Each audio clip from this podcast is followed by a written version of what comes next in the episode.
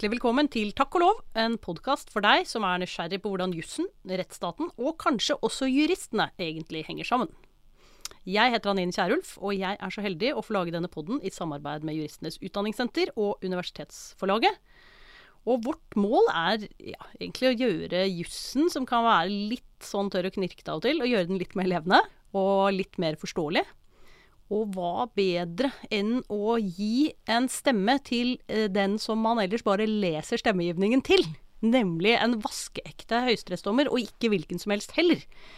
I denne sommerbonusepisoden så har jeg fått uh, besøk av en som i alle fall for jurister er en levende legende. Nemlig Jens Edvin Skoghøy. Velkommen hit, Jens Edvin. Takk. Veldig hyggelig at du ville komme. Jeg tror ikke at du trenger noen nærmere introduksjon. Eh, jeg tenkte bare kan nevne at du har eh, altså vært i Høyesterett fra 1998. Og så, eh, i 2017, så stakk du og ble professor i Tromsø igjen. Det hadde du vært før også. Og så vips, så var du tilbake i Høyesterett igjen i år. Så det er jo veldig bra. Og dette skal vi rett og slett plukke hjernen litt på, for hvordan, hva er det Det tror jeg er den eneste gangen det har skjedd i historien, så det gleder jeg meg til å høre mer om. Men før det så har vi jo for å gjøre gjestene våre litt mindre skumle for lytterne, for de kan jo virke helt uoppnåelige som sånne maskiner som bare sitter og skriver utrolig lærete ting hele tiden. Det er de jo, men de er ofte mennesker i tillegg. Så vi har med en sånn fun fact, eller et artig faktum, som vi har oversatt det til på norsk, um, om gjesten vår. Og jeg tror faktisk at jeg skal få lov å introdusere artig faktum om deg, fordi da jeg var jusstudent for uh, så lenge siden at det var før uh, årtusenskiftet, så var jeg på et sånt uh, strafferetts- eller seminar, tror jeg. Eller i hvert fall sånn, ja, Geilo-seminaret. Der var det et nachspiel som det var veldig hyggelig stemning på. det ble rett og slett ganske livlig utover kvelden. Noen begynte å ikke bare danse på bordet, men hoppe oppå bordene. Det er ikke Jens Edvin jeg snakker om nå. Men de som gjorde det, de gjorde det i en så begeistret grad at det bordet til slutt knakk. Og jeg tenkte herregud, hva, hva skjer nå? Det sitter sånn utrolig viktige folk som er høyesterettsdommere på dette nachspielet og ser dette her. Hva nå? Dette kommer ikke til å gå bra, liksom.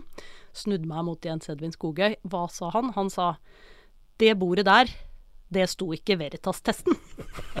Og det hadde han jo rett i, og da ble han litt mindre skummel og, uh, og fjern i mine øyne. Så jeg er veldig glad for det, Jens Edvin. Uh, du, du, ga meg Du ga høyesterettsdommer rett og slett et menneskelig ansikt for meg. Takk skal du ha. Men få høre, da. Hvordan er dette, som sikkert alle er nysgjerrig på? Du sluttet i Høyesterett, uh, og så har du begynt igjen. Hva, hva gjorde du egentlig i mellomtiden? Da var jeg tilbake på Universitetet i Tromsø, var professor der. og drev på med det som professorer flest gjør. Undervise og veilede studenter, og altså skrive bøker. Du ble lei av å være høytrøtt, liksom, eller? Nei, eh, det var min daværende kone som eh, gjerne ville flytte nordover. Og jeg, eh, jeg søkte jo på Og da hadde vi i utgangspunktet tenkt at når jeg var 60 år, så kanskje jeg skulle flytte til Tromsø, bli professor igjen. Eh, så søkte jeg opp på justitiariusembetet, så fikk jeg ikke det. Og da var vi tilbake på den opprinnelige planen med å flytte til, eh, til, Tromsø. Men hvordan var det å være tilbake i akademia da? Det hadde jo vært en del år siden sist? Ja, det var mye som var forandra. Eh, professorer blir bedt om å utforme prosjekter og søke ekstern finansiering på, så det er mye administrasjon. Eh, så det var noe helt annet enn det da hadde vært da i mitt forrige liv. Lite rom for uh, selvstendig tenkning og fred ja, og ro? Ja, ja, det ble mer, mer administrativt arbeid for professorer. Så det var en ganske annen stilling jeg kom tilbake til enn det jeg forlot. Og så, øh, men så Det åpner seg jo av og til stillinger i Høyesterett, vet vi, for det, noen går jo av innimellom. Men hva var det som gjorde at du søkte deg tilbake igjen, da? det var det at eh, jeg i mellomtida var blitt uh, skilt. Og så jeg ble gift med en dame fra Ukraina. og Hun uh, syntes at Tromsø var på mange måter eksotisk, men hun syntes klimaet var litt barskt. Ja. Så når det da åpna seg mulighet for at jeg kunne eh, søke meg tilbake til Høyesterett, så jeg gikk jo hun veldig sterkt for det, slik at vi kunne flytte til Oslo. det, det, er godt å høre. Det er veldig hyggelig å ha deg tilbake igjen eh, i Høyesterett, må jeg si. Eh, hvordan er det, er det noe Det er vel kanskje ikke så mye som er endret fra 2017 og frem til nå, men fra du, da du begynte i Høyesterett og frem til nå, hva, er det noe som har eh, endret seg inni den domstolen på den tiden? Fra 1998 og frem til i dag eh, så har jo bl.a. Eh, omgangsformen mellom dommere internt i Høyesterett blitt langt mindre formell enn det den var. Hvordan var den? Var, var dere dis? Eh, det, ja, eh, i DIS eh, var man vel ikke, men var på etternavn. Ja, ja. nettopp. Også under interne domskonferanser så var man på etternavn da jeg begynte. Sånn er det ikke nå lenger? Nei. Nei. Så det endra seg gradvis sånn utover 2000-tallet. Og ja, en annen viktig endring er jo måten vi skriver avgjørelser på. De er jo da blitt mer eh, prinsipielle, og det henger sammen med eh, utviklingen av Høyesterett som prejudikatsdomstol. Jeg har jo sett i mange eh, universitetsprofessorer om og i media så er det liksom fremstilt som om det er noe Høyesterett har funnet på. Ja, for det, er det jo dere. Det, min, sånn, mitt inntrykk fra å lese maktutredningene og andre mm, hva skal vi si, kritikere av domstolen, det er jo at dere sitter der og prøver å karre til dere så mye makt som overhodet mulig. Og eh, veldig gjerne vil overta for politikerne i å drive landet vårt fremover. Ja, Det stemmer jo ikke. Nei, det er ikke sånn. Grunnlaget for utviklingen av Høyesterett eh, som prudikatsdomstol er jo to lovvedtak. Det var jo toinstansreformen i straffesaker på midten av 90-tallet.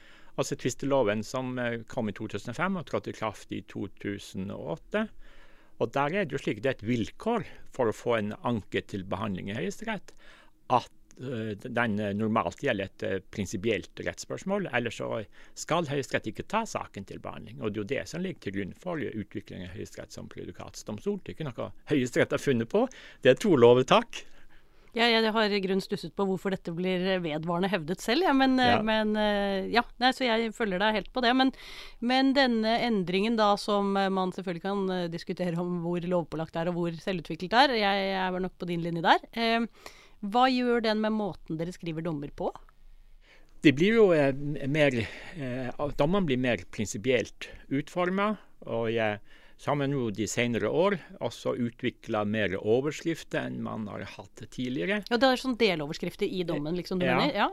Og det, og, det, og det, innebærer jo da at vi har som målsetting at vi før vi skal konkludere og gjennomføre en subsumisjon, så må vi først formulere en norm.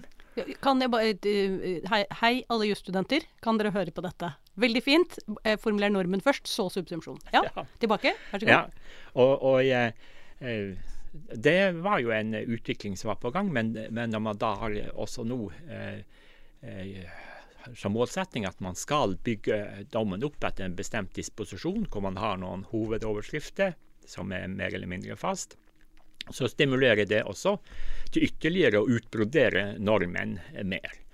Tidligere så ofte så slutta man jo direkte fra rettskilder til resultat uten å gå veien om en uh, formulert norm. Og KRL-fagdommen fra 2001 er jo et skrekkens eksempel på det. Ja, Ta en kort uh, repetisjon for oss som ikke husker den. Hva var det man gjorde der? Det, det, er et bredt oppslag av, av kilder. Og så var jo spørsmålet om om man kunne eh, få eh, fritak for eh, religionsundervisning i skolen. Og det var jo påberopt forskjellige internasjonale rettsnormer. Men der er det bredt oppslag med, med, kilder og avgjørelser, og så går man rett på subsumpsjon uten å formulere noen norm. Så den er veldig vanskelig å se hva som var avgjørende i den saken. Ja, men det, det, også dette har man lært litt av da, kanskje? Ja, slik at denne er jo blitt, eh, blitt kritisert. Vi hadde et, seminar i Høyesterett, internseminar, i eh, Ja, det var vel i 2002, tenker jeg. Og da Eh, hadde vi eh, invitert eh, professor Henrik Sale fra København, som hadde vært høyesterettsdommer en periode, men vendt tilbake til sitt professorat. Se her, ja. Du har internasjonale forbilder, skjønner jeg. Ja. Så han fikk tilsendt noen dommer av Norges høyesterett som han skulle kommentere, og bl.a. den dommen der. og Og han var veldig kritisk til det. Det var umulig å se hva, hva slags rettsnorm som ble anvendt. Og han sa det at Danmarks høyesterett er jo da kritisert for at de er veldig kortfatta i sine dommer, men sa han at det legges nokså mye arbeid i å formulere en avgjørende norm i noen setninger. Ja. Og at han mente det at det her hadde her kunne Norges høyesterett ha noe å lære. I alle fall jeg tok det til meg. så ja. Etter det så var jeg veldig opptatt av i Høyesterett at vi skulle begynne å formulere en norm før vi konkluderte. Velkommen til vår egen lille sommerspesial av Jusshjørnet. Jeg heter Sturla Blank Torkelsen og er leder for Juridika i Universitetsforlaget. Og der borte på andre siden av studio sitter du, Torbjørn. Hallo, hallo. Sturla. Torbjørn Buer, Juristenes Utdanningssenter. Her er jeg, og her er vi. Det er jo veldig spennende å høre fra en sentral stemme i Høyesterett uh, snakke i denne podkasten. Mm. Uh, og det viser seg faktisk at Jens Edvin Skogøy han er en stemme som tar uh, dissens ja. i ganske mange saker. Mm. men en sentral stemme Uh, han trenger jo også ferie, Torbjørn, og kanskje lytte til vår forrige sommerspesial med Magnus Matningsdal? Ja, det ville være en veldig god idé. Og så tenker jeg jo det faktisk, Sturle, Sturla, at nå har vi vært gjennom to sesonger. Eller er det blitt flere? Det er i hvert fall blitt mange. Og det er mange episoder som uh, ligger der og venter på det stedet du henter poddene dine. Så dette er et, en anbefaling fra oss når du sitter der i sommer og har lyst på litt stimulans, gå inn på Takk og lov, finn en episode som virker spennende, sett deg godt til rette og bruk en halvtimes tid til kvalitetslytting. Ja, Det syns jeg er en kjempegod idé, Torbjørn. Det syns jeg man skal gjøre. Og når man kommer tilbake til arbeidet etter å ha hørt alle disse podkastene og kost seg med dem, yep.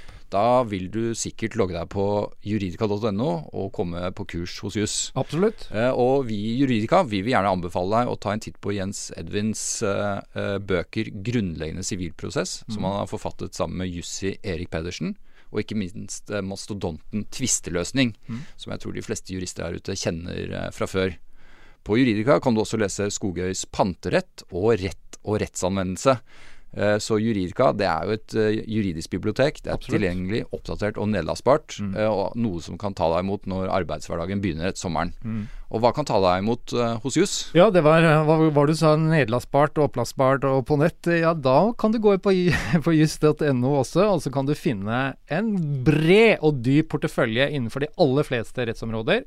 Juss digital er et abonnement som gir deg tilgang til alt vi har digitalt, og som oppdateres hele tiden. Og en av de tingene som jeg vil da plukke fram, det er den, eh, det årlige sivilprosesskurset den 18. oktober. Da kan du være til stede fysisk. Det blir fint. Eller du kan se det på livestream. Og til deg som er abonnent, dette vil jo bli en del av abonnementet ditt. Så sjekk ut just.no også. Og da Sturla, får vi bare ønske den gode lytter en veldig god ferie. God ferie og god sommer. Er jo mye interesse omkring Høyesterett. Ikke så mye som det kunne vært kanskje i mediene og sånn. Jeg savner jo av og til at uh, dette rettsfeltet vårt egentlig gir, blir gjenstand for mer dekning. Uh, ikke bare prisverdige Rett24, men også andre steder. Men um, hvis det er, jeg har av og til lurt på hvordan er det å sitte inne i Høyesterett og lese det som blir skrevet om dere utenfra? Hva, hva vil du si ut som et sånn tips til de som sitter der ute og prøver å skrive om dere? Ja, det har jeg lagt merke til at man eh, Eh, fester stor oppmerksomhet eh, til eh, hvem som er førstvoterende. Jeg tenker det at det er minst like viktig å se hvem som er sistvoterende. Ja vel, hvorfor det? For den som er sistvoterende, er den som er rettens formann, og det er den dommer som har lengst ansiennitet. Og når vi har vår interne rådslagning i Høyesterett etter at prosedyren er, er avslutta, så er det jo rettsformannen som går gjennom eh, saken først og gir uttrykk for sitt eh, syn. Og det, det, er på en måte et muntlig utkast til dom som rettsformannen leverer. Og hvis rettsformannen har lagt ned mye arbeid og har en overbevisende argumentasjon, så, så, blir det i stor grad fulgt. Så han, eller hun som er rettsformann, tar på en måte strekk i kølen. Ja. Og det blir, så man får da et, et grunnlag lagt for, for dommen. Nettopp, så er sistvoterende man må se etter, altså ikke førstvoterende? ja, førstevoterende har jo selvfølgelig innflytelse på enkelte formuleringer og, og sånt, men, ja. det, men, det grunnleggende tenker jeg ligger i opplegget som rettsformannen har hatt. Hvordan er det når det er noen som dissenterer, da? Hvem er, som, hvem er det som skriver da? Eller hvem er det man må følge med på da? Ja, hvis det, hvis det er noen som dissenterer, så er det jo spørsmål Hvis de får med seg noen, mener jeg. Hvem er det da av dem? Ja, hvis, det, hvis rettsformannen tilhører flertallet, så er det jo også da Rettsmannen voterer alltid sist. Mm. Om det er dissens, altså, så er det rettsmannen som voterer sist. Men apropos dette mm, med dissenser, der, det må jeg snakke litt med deg om. For du Altså da jeg eh, gikk på studiet, så var det et slags eh, begrep, og det var den dissenterende dommer Leivestad, som eh, var da en dommer som ofte dissenterte. Men etter at jeg ble stor, så er det egentlig den dissenterende dommer Skoge som i hvert fall jeg har lagt mest merke til. Um, kan ikke du både Vi kan komme inn på Jeg vil gjerne plukke hjernen din om sånne dissenser som du har vært med på, for er, jeg har noen favoritter. Det tror jeg du også har. Men um, liksom først dette fenomenet dissens. Det er jo Man kan jo tenke seg at en av grunnene til at man går til en domstol, det er å få ett eh, et eh, faglig svar med to streker under. Og da vil jo det at noen dissenterer, det vil i grunnen svekke det svaret med to streker under. Da kunne man tenke seg at man kanskje svekket tilliten til dommer og domstolene.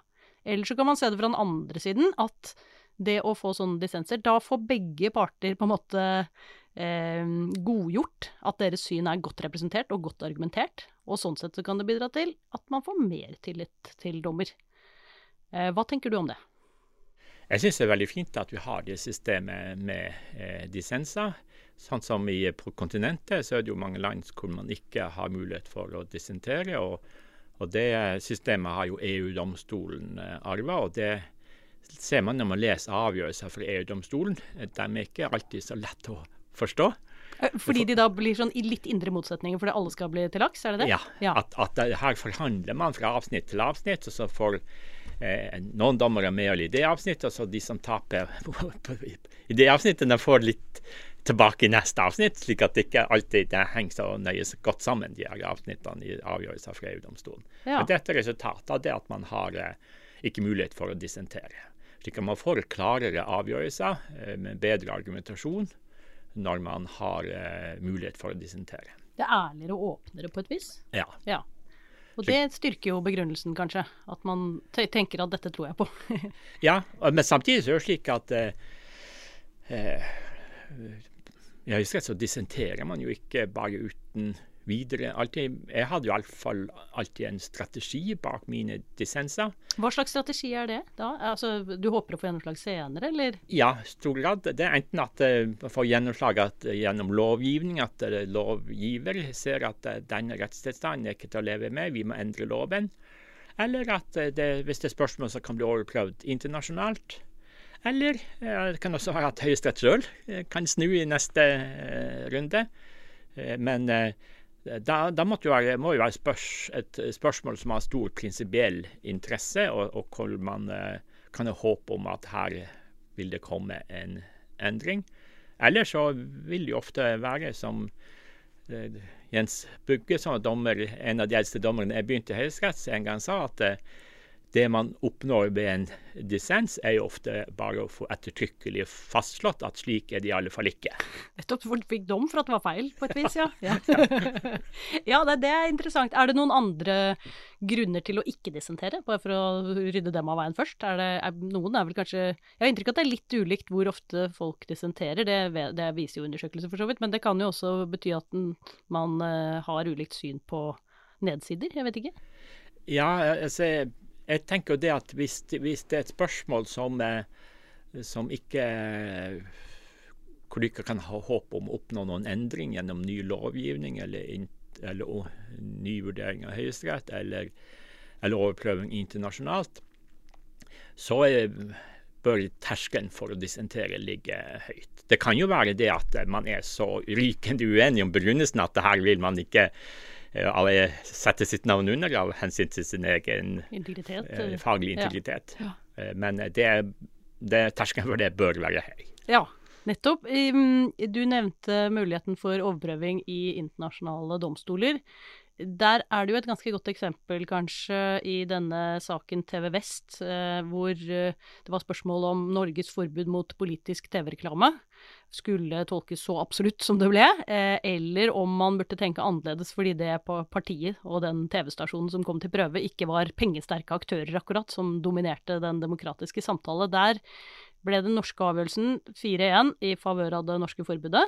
Mens man i EMD plukket opp dissensen til dommer Skogøy og eh, nærmest siterte den. Eh, så da hadde du Fortell litt om den dissensen der. Ja, nei, der eh, Det er jo de dissensene som jeg er mest fornøyd med. Så det var jo veldig gøy når dommen fra, fra Menneskerettighetsdomstolen kom, og hvor Menneskerettighetsdomstolen siterte et sentralt avsnitt i min dissens og sluttet seg til det. Og da er du selvfølgelig så elegant at du sier ikke hva var det jeg sa, men du smiler på en sånn måte at alle skjønner at det var det du mente. ja, hvor, men, men dette røstene hvordan, hvordan tolker du at flertallet formulerte seg sånn som de gjorde etter at du egentlig hadde gitt dem svaret i dissensen din, da?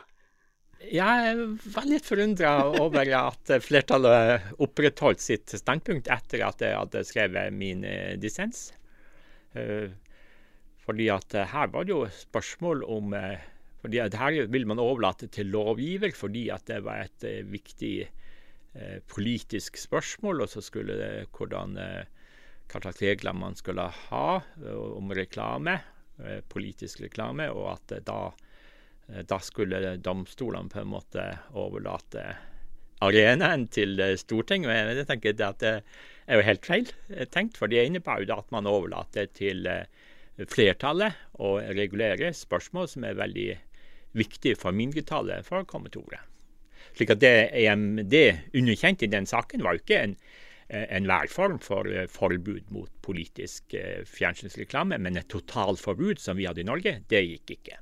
Nettopp og fordi denne saken så tydelig illustrerte at en, den type totalforbud uten noe sikkerhetsventil, det rammet jo helt kontrært til det hensynet det var satt for å ivareta. Ja. ja.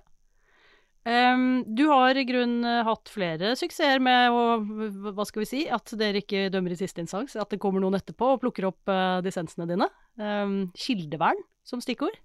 Ja, det var i, i 2011. Uh, og der var det jo spørsmålet om eh, kildevernet opphørte hvis det da dukka opp en person som hevda å være kilden. Eh, og jeg og da bare for å rekapitulere det, det var altså Dagens Næringsliv som skrev en sak om innsidehandel. Og så var det spørsmål om å rulle opp denne innsidehandelen på en eller annen måte. Og så eh, spørsmål om eh, denne journalisten eh, var pliktig å uttale seg om noe som kunne kompromittere vernet om en kilde som for så vidt var kjent for politiet. Ja. Og der eh, mente jo jeg og fikk følge av en eh, av dommerne, konsultert dommer Finn Arnesen, som er professor i Oslo. Eh, og hvor vi mente det at eh, kildevernet eh, kunne ikke opphøre eh, om det dukker opp en person som hevder å være kilden. Da vil jo en vesendel av kildevernet bli svekka. Men der skrev flertallet det at det at en sånn ordning, at kildevern opphører eh, i en sånn situasjon, er i strid med EMK, kan man trygt se bort ifra. Men så ble den Famous last words, ja. den eh, avgjørelsen påklaga til EMD, og eh, EMD var enig med mindretallet. Kildevern opphørte ikke. Nettopp. God vindikasjon der også. er det andre dissenser du vil eh, fremheve, som du, når du tenker tilbake Det er jo mange å ta av, men som du tenker tilbake at du er stolt av eller glad for, eller av andre grunner uh, har med deg? Ja, det, jo, eh, det må jo være gruppevoldtektssaken i 2008. Ja. Skisser kort hva saksforholdet var. Ja, der var det jo uh, fem personer som da etter tur hadde voldtatt uh, ei dame, ung dame. Og eh, så er spørsmålet om eh, eh, de da, når det gjaldt plikt til å betale oppreisning, skulle kunne danne et spleiselag og dele på oppreisningen. At det ble mindre på hver, liksom? Jepp. Ja.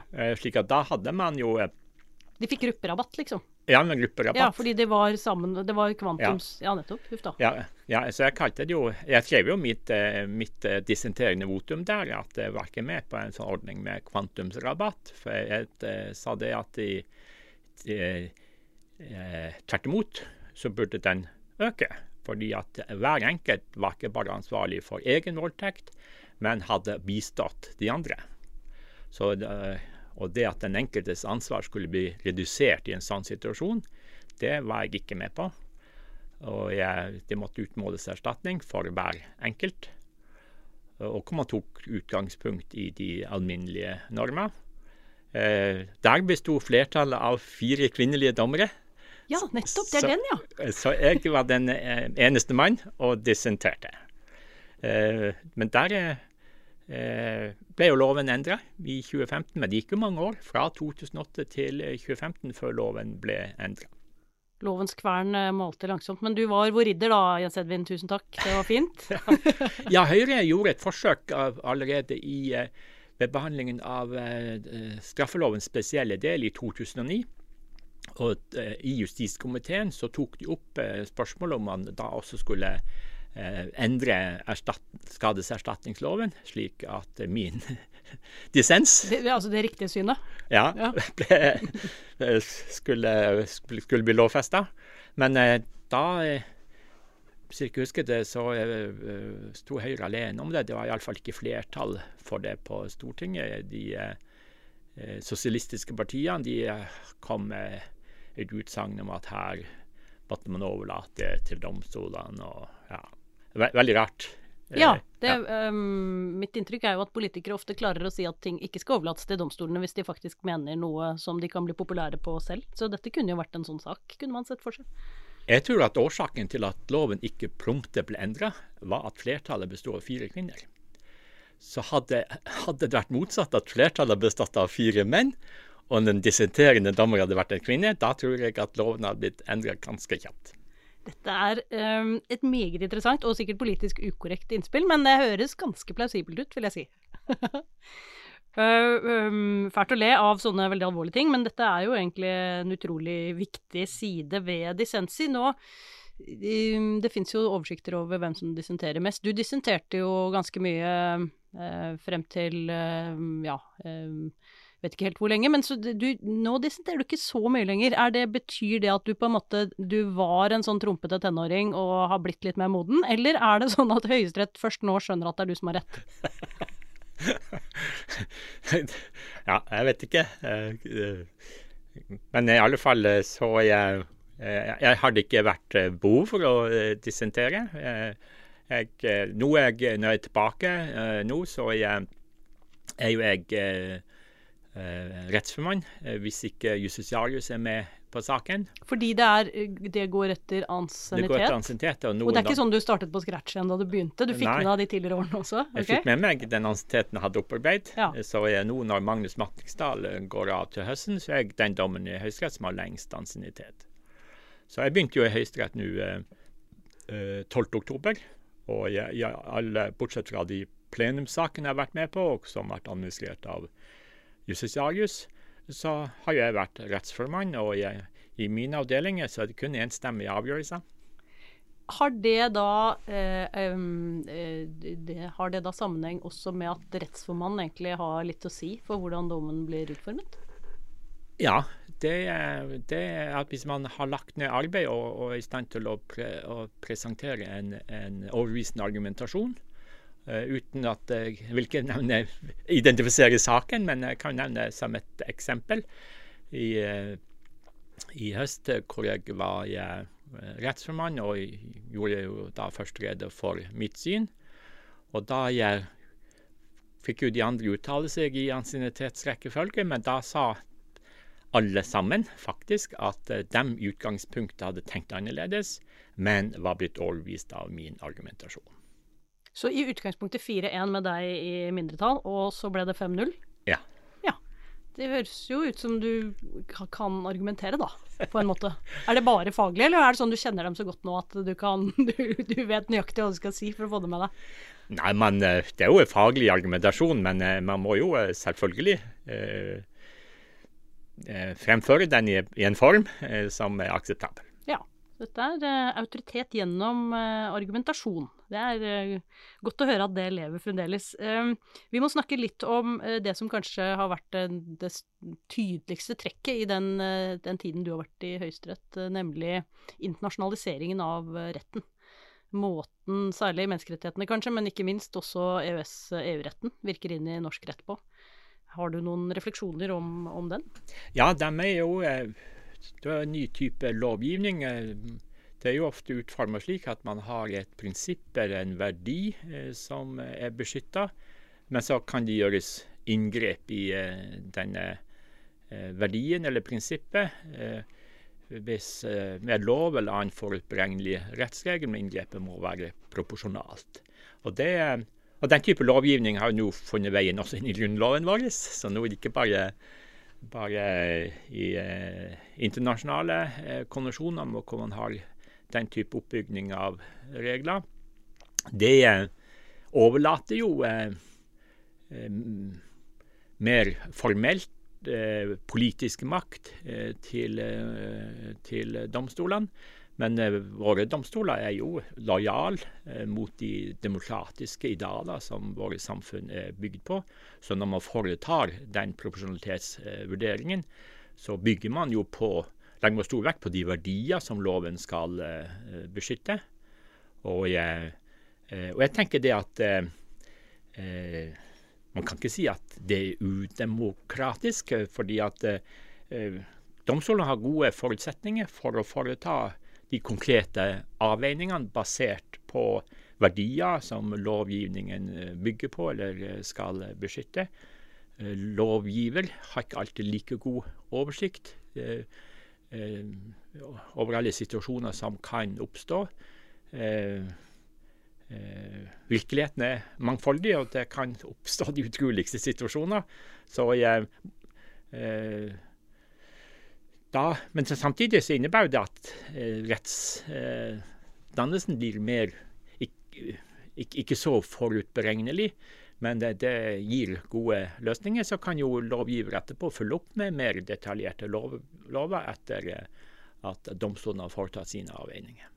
Nettopp. Og det du skisserer der, er jo det vekselvirkningen eller samvirket mellom de politiske statsmakter og den dømmende, nemlig at man foretar noen reguleringer på prinsipielt grunnlag med tanke på hva som kommer fremover, eh, og må gjøre det relativt vagt fordi man ikke kan overskue alle de tingene som kan skje. Og så kommer det et konkret eksempel til domstolen. Da er det om å gjøre å prøve å løse det best mulig ut fra det man har av holdepunkter om verdier ja. og hensyn bak ja. de lovene som er gitt. Ja. Nettopp. Det skaper jo noen utfordringer som iallfall uh, våre studenter strever litt med, eh, nemlig hvordan skal man forholde seg når man har to rettighetsbeskyttelser? Altså man har en i Grunnloven, og så har man noen i noen internasjonale konvensjoner. Og så har man et veldig uttalt ønske fra Stortinget om at vi skal bruke Grunnloven vår mer fra denne grunnlovsreformen. Og det har jo Høyesterett i stor grad eh, gjort. Samtidig så er det ikke så lett å bruke den veldig operativt når det ikke finnes så veldig mange kilder til den foreløpig. Det finnes noen forarbeider, men hovedsakelig så vil argumentkildene være å finne i internasjonal praksis, kanskje. Ehm, det blir et spørsmål av og til også om man skal starte i Grunnloven, eller om man skal starte i konvensjonsbestemmelsen, og hvordan man skal forholde seg til samspillet mellom de to normsettene som for så vidt eh, er bygget på hverandre og inspirert av hverandre, eller i hvert fall Grunnloven er inspirert av de internasjonale konvensjonene. Ja, nettopp fordi at Grunnloven er inspirert av de internasjonale konvensjonene, så er det jo Høyesteretts tilnærming eh, som regel at eh, og hvis man har praksis fra internasjonale håndhevingsorgan, at man da tar utgangspunkt i de internasjonale kildene, og enten innledningsvis eller avslutningsvis sier at det, nå følger det samme Grunnloven, men, eh, men, eh, at man da anvender de eh, kildene som de avgjørelsene man har i internasjonale klageorgan. Men så er det jo ofte at man ikke har det. Vi hadde jo en sak ja, var 2015 eh, om eh, hvorvidt eh, man skal kunne straffedømme en person etter at vedkommende er død. Ja, hva, det var en praktiske... sak som ble gjenopptatt. og så jeg og så Den knytter seg til finance credit-komplekset. Ja, og, og, før saken kom opp for Når, når nye saken kom for domstolene, så jeg var jo påtalemyndigheten ikke snauere enn at de både skulle ha dom for at vedkommende var skyldig, men også ha utmålt en straff etter at vedkommende for lengst var gravlagt. Eh, men i eh, Høyesterett så kommer vi jo da til at det selvfølgelig er meningsløst å utmåle straff for en eh, person som er død, men vi gikk også et skritt lenger. At det var også uriktig, var i strid med retten til rettferdig rettergang å avsi eh, dom for at vedkommende var skyldig for et viktig bevis, nemlig eh, tiltaltes egen forklaring, mangla. Ja. Og på det punkt så hadde det vært en sånn sak for eh, Menneskerettighetsdomstolen, men den endte ikke opp ut med noen klar eh, konklusjon, for det var flere fraksjoner. Så jeg, vi kom jo da i Høyesterett til at det her var i strid med retten til rettferdig rettergang, men da bygde vi mer på Grunnloven enn på eh, EMK. For det hender jo at eh, Det er ikke så ofte, kanskje, men det hender jo at noen av grunnlovsbestemmelsene strekker seg lengre. Eh, Det er jo for så vidt en tanke at det er et minimumsvern disse internasjonale konvensjonene legger opp til. Men, eh, og, og noen av grunnlovsbestemmelsene våre går lenger enn det EMK eh, kanskje særlig gjør. Et eksempel på det er vel denne saken om dette mm, programmet fra NRK, Brennpunkt, hvor det var spørsmål om å stoppe programmet før det kom på lufta, fordi det kunne sette en av informantene, en politiinformant, som da var omtalt i det programmet, i, livsfare, rett og slett. Eh, og det er jo en eh, avgjørelse som du hadde litt å si også. Ja, den er en enstemmig eh, eh, avgjørelse, men jeg har en annen begrunnelse enn eh, flertallet. Og jeg, hvor jeg, Grunnloven er jo bygd opp når reguleringen der er jo i to eh, trinn. Først har du hovedbestemmelsen i, i andre ledd i paragraf 100. Og så kommer et tredje ledd som eh, eh, gir et ekstra sterkt vern for frimodige ytringer om statsstyrelsen. Og hvor det er ekstra høy terskel for å, å stoppe den type ytringer. Og det var det her. Det mente jeg at det var, Ja. men flertallet bygde på andre ledd. Men det henger vel sammen med at den saken i NRKs prosessfullmektig ikke anførte eh, tredje ledd, men eh, rettsanvendelsen er jo domstolens eh, fulle ansvar. Så vi kunne bygge på tredje ledd, selv om det var andre ledd som var protestert på. Jura novit curia. Det er deres jobb å passe på jussen. Ja. Ja.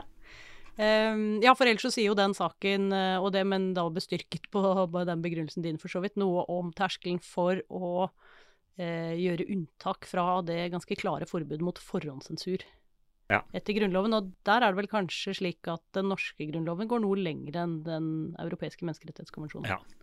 Ja.